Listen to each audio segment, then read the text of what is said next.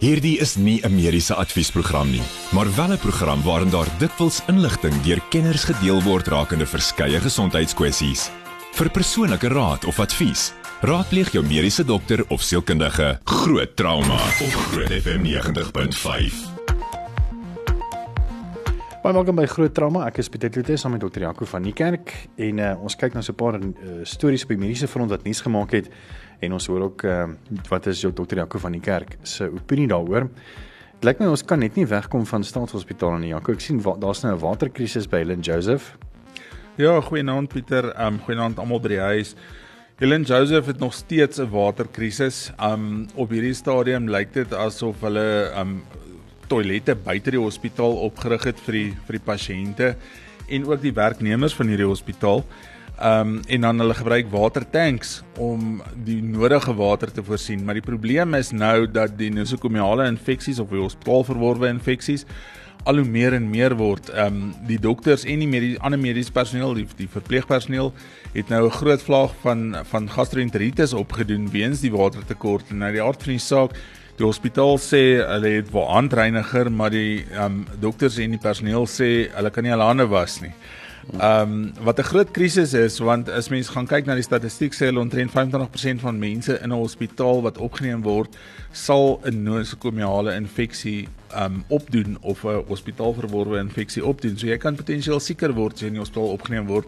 En dis hoekom dit baie keer 'n groot besluit is, gaan ons jou opneem of gaan ons jou nie opneem en huis toe dalk stuur nie. En in hierdie geval maak dit net daai 25% soveel meer en dit maak die risiko soveel meer vir die pasiënt sowel as vir die personeel en dit maak net dat die die die druk op die stelsel net al hoe meer en meer en meer word. So 'n klein probleem soos 'n waterkrisis alhoewel daar watertanks is vir vir vir die nodige gebruik maak eintlik 'n groot en uiteindelik 'n groot omvattende probleem wat dit veroorsaak um, vir die hele stelsel. Ek wil nou nie ehm um onsensitief klink nie, maar ek meen as dan nou buite toilette is, ons almal weet hoe lyk like hierdie hierdie goedjies wat hulle ons laat aantrek as ons in hospitaal is, jy weet, daar's mos net daar's niks agter nie. So as jy loop dan dan sien jy alles van agter af. Ja, jy weet en as jy my bou is, dan is daar ook nie 'n size wat jou pas nie, jy weet. Dis die dis 'n ander probleem. Ehm um, so ek dink nie jy kan mooi toemaak nie en uh jy gaan uit die aard van die saak 'n paar mense goed wys wat hulle dalk nie wou gesien het nie. Mm, exactly. Mm. En COVID-19 lyk my ons is ook nog nie van hierdie um, onderwerp af nie, Jaco. Ehm um, COVID-19 kan neurologiese probleme veroorsaak volgens Netwerk 24 en The Guardian. Ja, ehm um, ek dink ons gaan nog baie studies sien wat uitkom oor COVID-19 in die toekoms en selfs in die volgende paar jaar. Maar ons het gesien deur COVID-19 die pasiënte wat ons in die hospitaal opgeneem het en wat ons in in ongevalle is um basies opgepas het, het ons die interleukine getoets. Nou interleukine is 'n proteïen wat ge, geproduseer word um met infeksies en ons het spesifiek interleukin 6, daar's 'n klomp van hulle interleukin 6 ge, getoets en daar is 'n verwantskap tussen die prognose van die pasiënt of hoe goed die pasiënt sou gedoen het en die interleukin 6 vlakke. Nou, hulle het nou 'n groot studie bekend gestel wat sê die interleukin 6 vlakke as dit verhoog was en selfs tot 6 keer verhoog is, is daar verwantskap tussen dit en delirium en dan die ontwikkeling van demensie. So die probleem is hierdie proteïene word gevorm en maak skade aan die neurologiese stelsel deur die neurone te beskadig. En hierdie long covid sindroom, hierdie um, brein fog wat mense van praat, um moeilike konsentrasie, um is is baie keer geassosieer met hierdie hierdie skade wat dan in in in COVID-19 opgedoen is deur hierdie verhoogde interleukin 6 vlakke. Nou almal het verhoogde interleukin 6 vlakke ge gehad. So dit beteken nie noodwendig as jy COVID gehad het, gaan jy nou delirium en Alzheimer en al hierdie tipe van van probleme kry nie. Hmm. Maar daar's definitief 'n groot 'n groot um verwantskap. Die dokter wat die studie gelei het, ehm um, is Dr Alessandra Bossini het gesê dat alhoewel hulle dan nou weet daar is hierdie neurologiese element, ehm um, kan hulle nog steeds min oor presies wat in die brein gebeur vir ons vir ons vertel en ehm um, dat daar nog steeds baie baie navorsing nodig is. Ehm um, maar daar daar definitief nog navorsing gaan uitkom en dat daar groot verwantskap gaan wees. Net hierna 'n storie wat nuus is in Engeland oor 'n uh, 'n verpleegster wat uh, kinders doodgemaak het en 'n hofsaak is nou tans aan die gang daarso. En ons praat ook oor 'n paar wêreld uh, bewusmakingsdae wat ehm um, die afgelope week was so bly gerus ingeskakel daarvoor. Groot trauma met Pieter Kloete en dokter Jaco van die Kerk op Groot FM 90.5. Ons kyk nou so 'n paar stories op die mediese front wat nuus gemaak het en ons hoor wat is dokter Jaco van die Kerk se opinie daaroor. Nou op die nuusblaaie val op Sky News uh, nuus in Engeland is dat Lucy Letby uh, met nou onskuldig gepleit op uh, omtrent 22 ehm um, moord of 'n uh, attempted murder ehm um, sake en wat omtrent so 17 babas uh verteenwoordig. Wat maak jy van hierdie storie?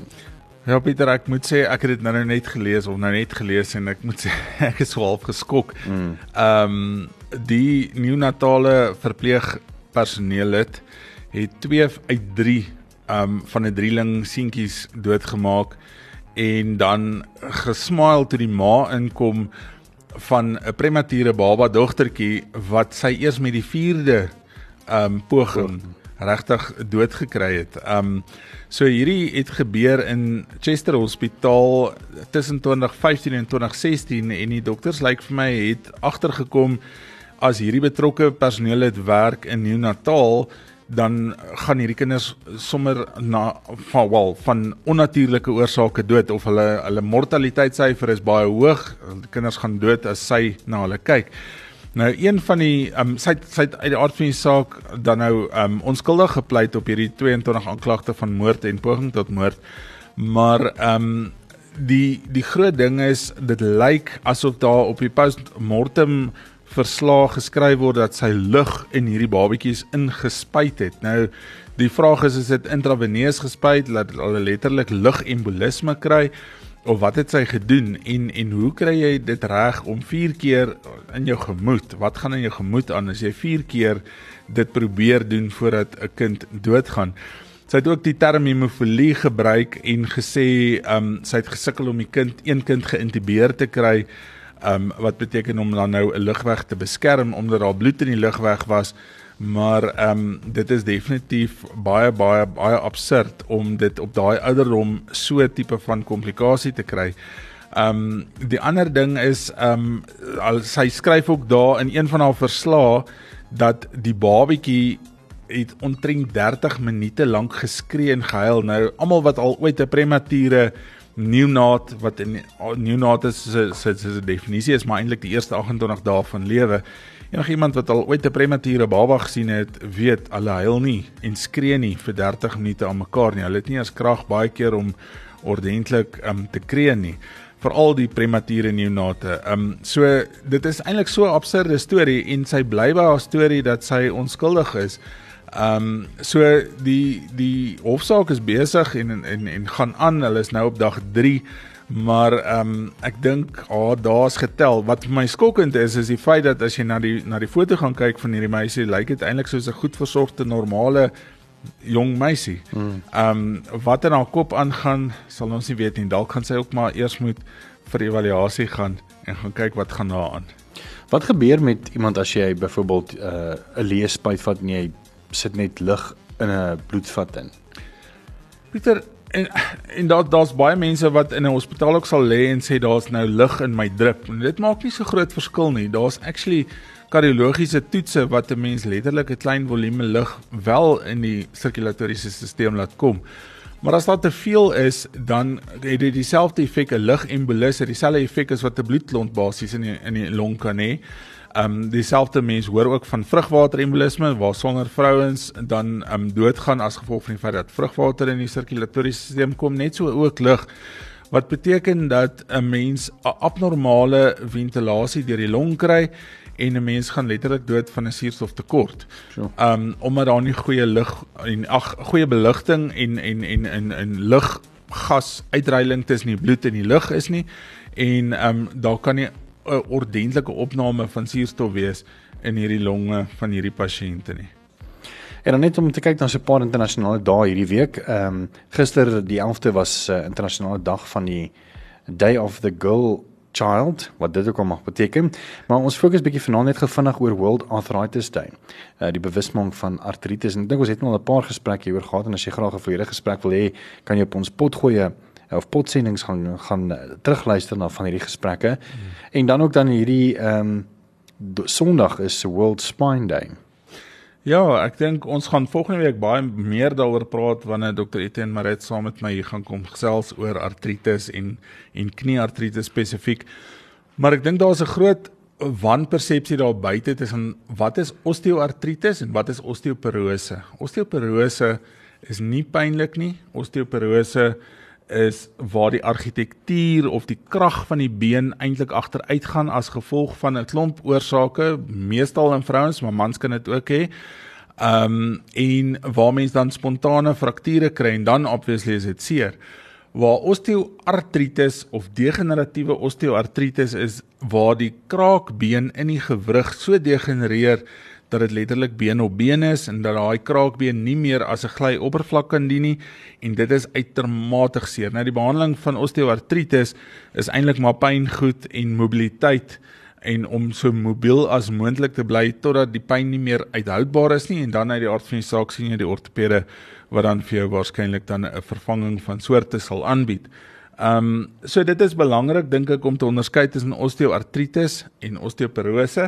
Daar's ander oorsake ook van artritis. Ons kry reumatoïde artritis waar daar basies 'n outoimmuunsiekte is wat dan hierdie ehm um, gewrigs kapsels en die gewrig as sulks aantas en dan kry jy ook dan nou jou ander veldtoestande wat psoriase byvoorbeeld is wat ook artritis kan veroorsaak maar dit gaan eintlik maar oor die degenerasie van die gewrig. Net gaan ons uh, met ons eerste onderwerp begin en uh, ons gaan 'n bietjie gesels oor pelviese pyn en uh, ook oor faktore wat pynlike penetrasie kan veroorsaak en ek weet nie of jy weet nie maar een uit elke 5 vroue sukkel hiermee so ons gaan 'n bietjie daaroor gesels net hierna bly geskakel. Met die volgende program bo Groot FM 90.5 om jou as luisteraar met die nodige inligting oor 'n spesifieke onderwerp te voorsien. Alhoewel hierdie inligting dikwels deur 'n kenner op die gebied gedeel word, word jy aangemoedig om jou mediese dokter of sielkundige te besoek vir persoonlike advies of raad. Groot trauma op Groot FM 90.5.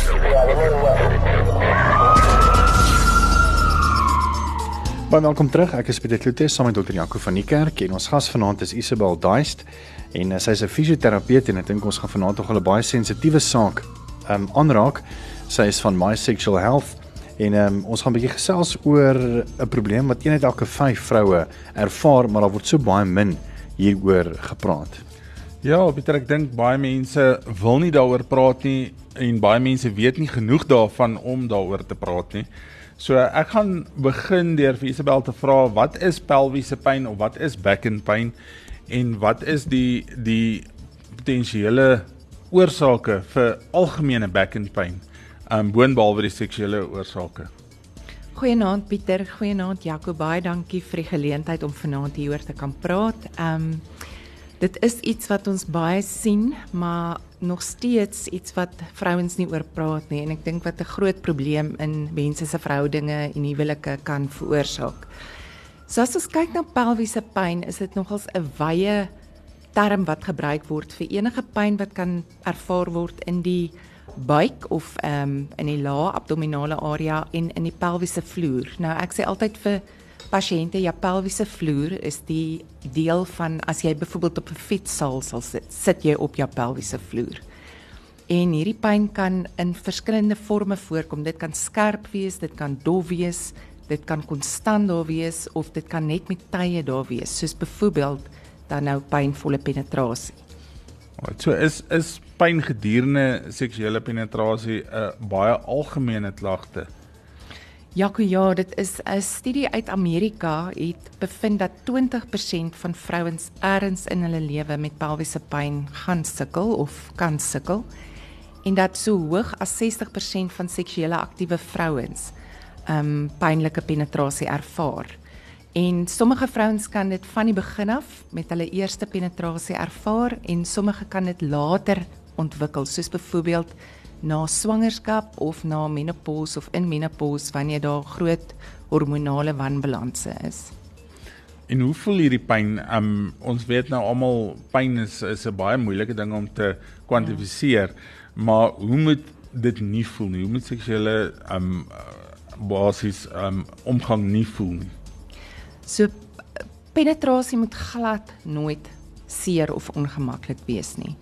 Ehm um, daar's verskeie redes hoekom dit so kan wees en as die mediese redes uitgeskakel is soos byvoorbeeld infeksie, dan is dit gewoonlik die spier en die senuweestelsel wat betrokke is. En ehm um, die algemene klagte wat ons hoor by vrouens is byvoorbeeld hulle kla van 'n brand of 'n skeur of 'n skerp gevoel by die opening van die vaginale kanaal. En dan selfs dieper in die vaginale kanaal kan hulle ook pyn hê, asof daar 'n muur of 'n blok is. So om te onderskei tussen gewone vaginale droogheid en regtige pynlike penetrasie vir gewone vaginale droogheid soos byvoorbeeld na menopause sal 'n goeie lubrikant mm. baie goed werk en die simptome verlig, maar wanneer dit kom by die senuweestelsel of die spierstelsel in die vaginale kanaal, sal 'n lubrikant nie verligting bring nie. So dit's nogals een manier hoe iemand kan onderskei of dit net hormonale vaginale droogheid is of regtig pynlike penetrasie of disparenie die groot woord daarvoor. Ons gaan net nog 'n bietjie verder gesels en ek weet dit is 'n baie sensitiewe onderwerp, weet en dit is juist hoekom ons hieroor moet praat want ehm um, ek meen studies toon dat een uit elke 5 vrouens sukkel hiermee. So ons gaan net nou verder gesels as enige vrae het en jy is welkom om uh, anoniem ook te bly as jy wil. Uh, kan jy vir ons WhatsApp by 061 6104576 onthou standaard tariewe geld. Nou is dit vir Janko se mediese mite minuut. Ja, ons het nou nou gepraat um, met hierdie internasionale dae oor artritis en uh, mense dink dat alle gewrigspyn is artritis en mense moet onthou dit is eintlik glad nie die waarheid nie. 'n Groot klomp van gewrigspyn kom van die strukture rondom die gewrig, soos die tendons, soos die gewrigskapsels, soos die bursas wat eintlik maar soos so skokabsorbeerders vir die vir die gewrig dien en alles is nie noodwendig artritis nie. So as jy gewrigspyn het, is daar 'n klomp ander oorsake ook daarvoor wat jy jou gesondheidswerker moet sien en dan ook dan uit die hart van die saak um die ware oorsaak van hierdie um gewrigspyn opklaar. Groot trauma met Pieter Kloete en dokter Jaco van die Kerk op Groot FM 90.5. Ons gesels met Isabel Daist en sy is 'n fisioterapeut en ons gesels bietjie oor 'n baie sensitiewe onderwerp, maar ek dink ons moet daaroor gesels uh juis omdat een uit elke vrou of een uit elke 5 vroue um, hiermee sukkel. En ons het net voor die breek 'n bietjie gesels oor pelviese pyn en die meer. Ja, ek dink ek wil vra hoe ontwikkel hierdie pynlike um seksuele omgang en wat is die algemene faktore wat wat pynlike penetrasie tydens seks veroorsaak? Jaco, ehm um, dit is 'n baie moeilike diagnose om te maak want die diagnose word gemaak deur 'n proses van eliminasie. So die belangrikste om te onthou vir iemand daar buite wat luister is dat 'n mens heel eers te dokter toe moet gaan, net hmm. om enige iets soos byvoorbeeld moontlike infeksies of endometriose en daai tipe van ehm um, goed uit te skakel.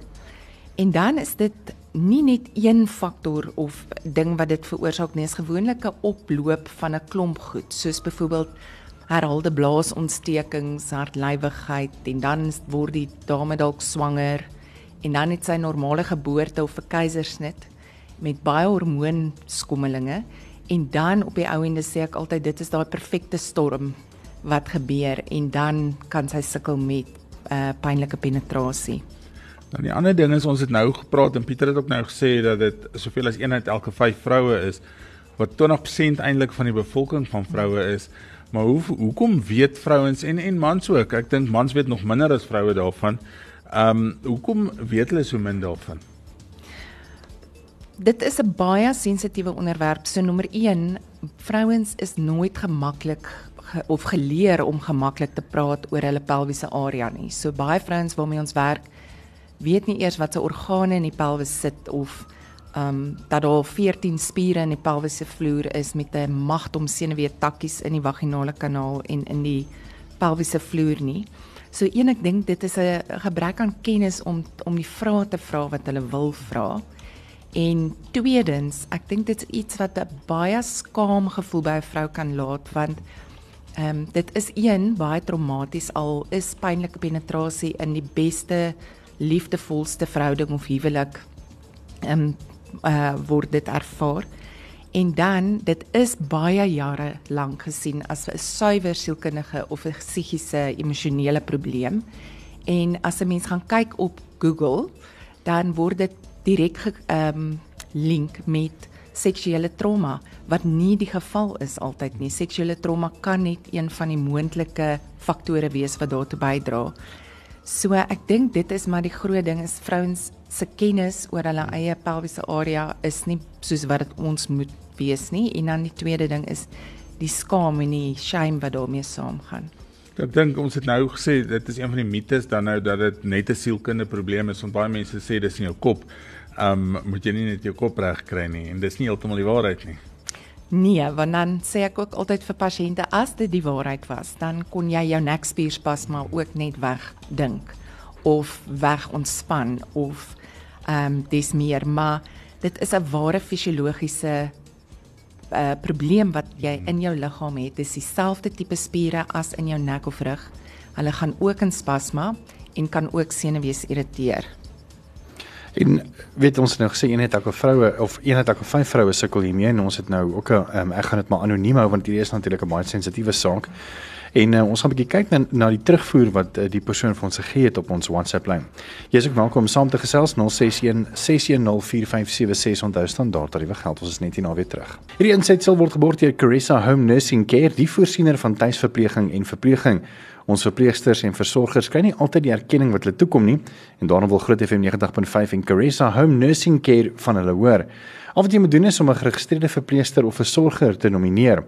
Hy of sy moet in Pretoria woon en die afgelope 2 jaar 'n verskil in iemand se lewe gemaak het. Jy kan die nominasie per e-pos stuur na grootverpleegster@caressa.co.za. Dis care SSA Caressa met jou motivering oor hoekom jy hierdie persoon nomineer. Hy hy of sy staan 'n kans om 'n maandelikse finalis te word en eintlik in Mei 2023 volgende jaar weg te stap met 'n R30000 kontantprys van Caressa en 'n R20000 se vakansie van Sonja Smit begrafnisdienste. Besen feesgeld. Sedert 2004 is die verpleegkundiges Gerry en Vanessa Skeepers se fokus die tuisverpleging van pasiënte en bejaardes. Indien jy verkies om tuis aan te sterk na hospitalisasie, sal Care by Vanessa jou tuisverpleging met sorg bestuur. Skakel Care by Vanessa by 012 947 9799. Besoek ons op Facebook of by caressa.co.za. Professionele tuisverpleging met deernis. En ons eh, deel graag nog 'n nominasie wat ons die afgelope week gekry het. Ja, vanaand se nominasie is dan gestuur deur Elso van der Reist en sy nomineer vir Precious. Sy sê Precious se naam doen haar um gestand. Um sy is werklik vir ons kosbaar vir al die afgelope 4 maande. Ouma Netta en um, dan oupa Sak want hy het, het albei baie naby aan mekaar siek geword. Ouma Netta was eers in die hospitaal vir 'n paar dae en toe met ontslag het het oupa Sak baie siek geword en hulp nodig gehad en hulle het eintlik 'n versorger nodig gehad tuis om albei na om te sien. Um nou Precious is ook 'n mamma van 3 kinders en sy offer baie tyd op um en weg van haar gesin af om die familie by te staan. Sy is eintlik oupa uh, oupa Sak en ouma Netta se linker en regterhand. Sy is altyd gewillig om te help en ehm um, ja, sy is dan ons nominasie vir vanaand. Precious. So dankie ook vir jou nominasie. Onthou as jy uh, deur iemand gehelp is wat 'n versorger is of 'n verpleegster in die afgelope 2 jaar, kan jy jou daai nominasie vir ons uh, stuur by grootverpleegster@caressa.co.za. Hierdie is nie 'n mediese adviesprogram nie, maar wel 'n program waarin daar dikwels inligting deur kenners gedeel word rakende verskeie gesondheidskwessies. Vir persoonlike raad of advies, raadpleeg jou mediese dokter of sielkundige. Groot trauma met Pieter Kloete en dokter Jaco van die Kerk op Groot FM 90.5.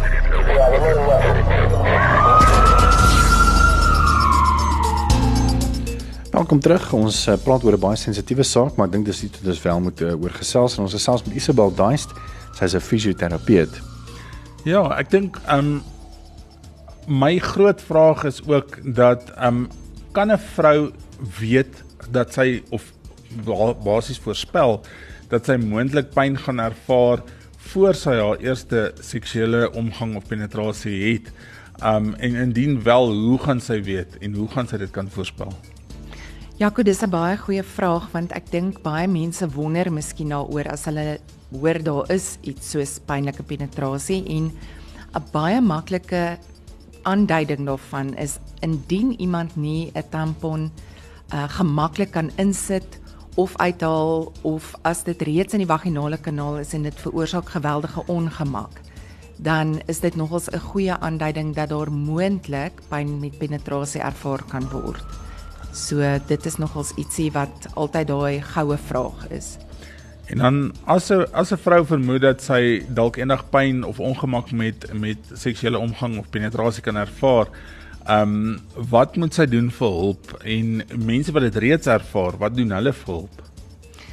Daar is ehm um, die afgelope paar jaar regtig nogals baie mediese dokters en fisioterapeute en psigoterapeute wat verdere opleiding omdat daar soveel goeie studies nou uitkom uh gedoen het oor hierdie spesifieke pynlike penetrasie en um hoe om dit suksesvol te behandel. Ek dink dit is belangrik om te sê dat as 'n mens dit in 'n spanverband benader, is dit regtig iets wat suksesvol behandelbaar is.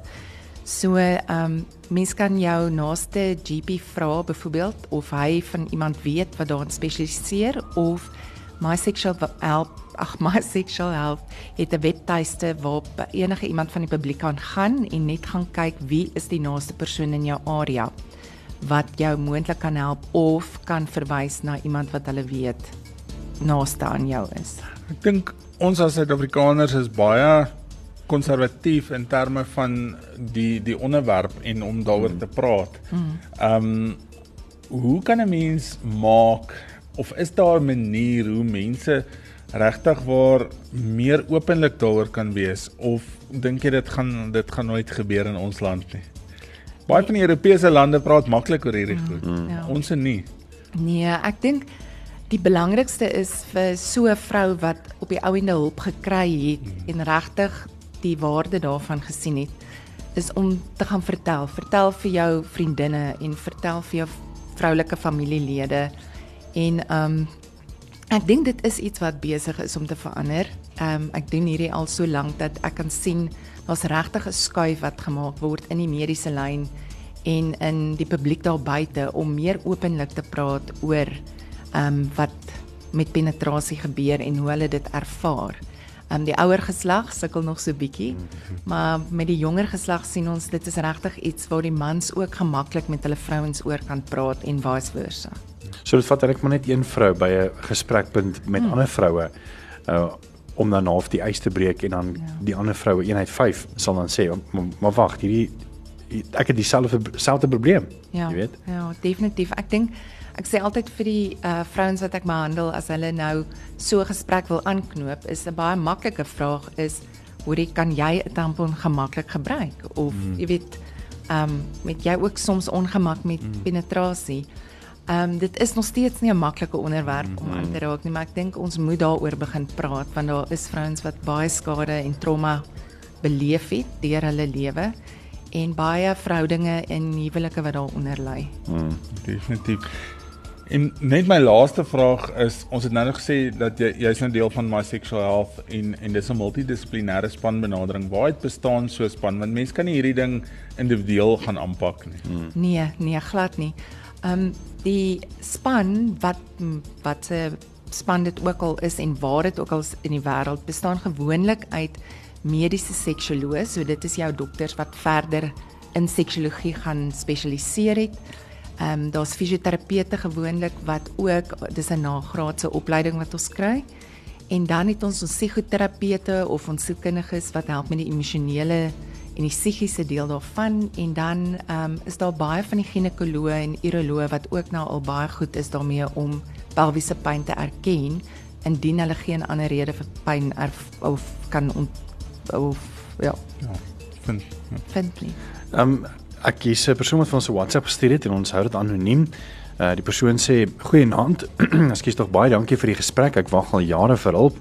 Ek sukkel met abnormale afskeiding en dit kom by arousal na my swangerskap met my seun 13 jaar terug. Dit vat ook baie lank indien wel om klimaks te bereik. Ek wil nie elke keer lubrikante gebruik nie en uh as ek vir slegs 4 of ek is slegs 34 jaar oud en ek voel dat ek nie of ek voel stak en uh, wil weet ehm um, wil wees met dit as 'n oplossing elke keer oh, wil net weet wat wat is die oplossing elke keer met met met omgang. Is daar iets wat 'n GP kan voorskryf of of die meer?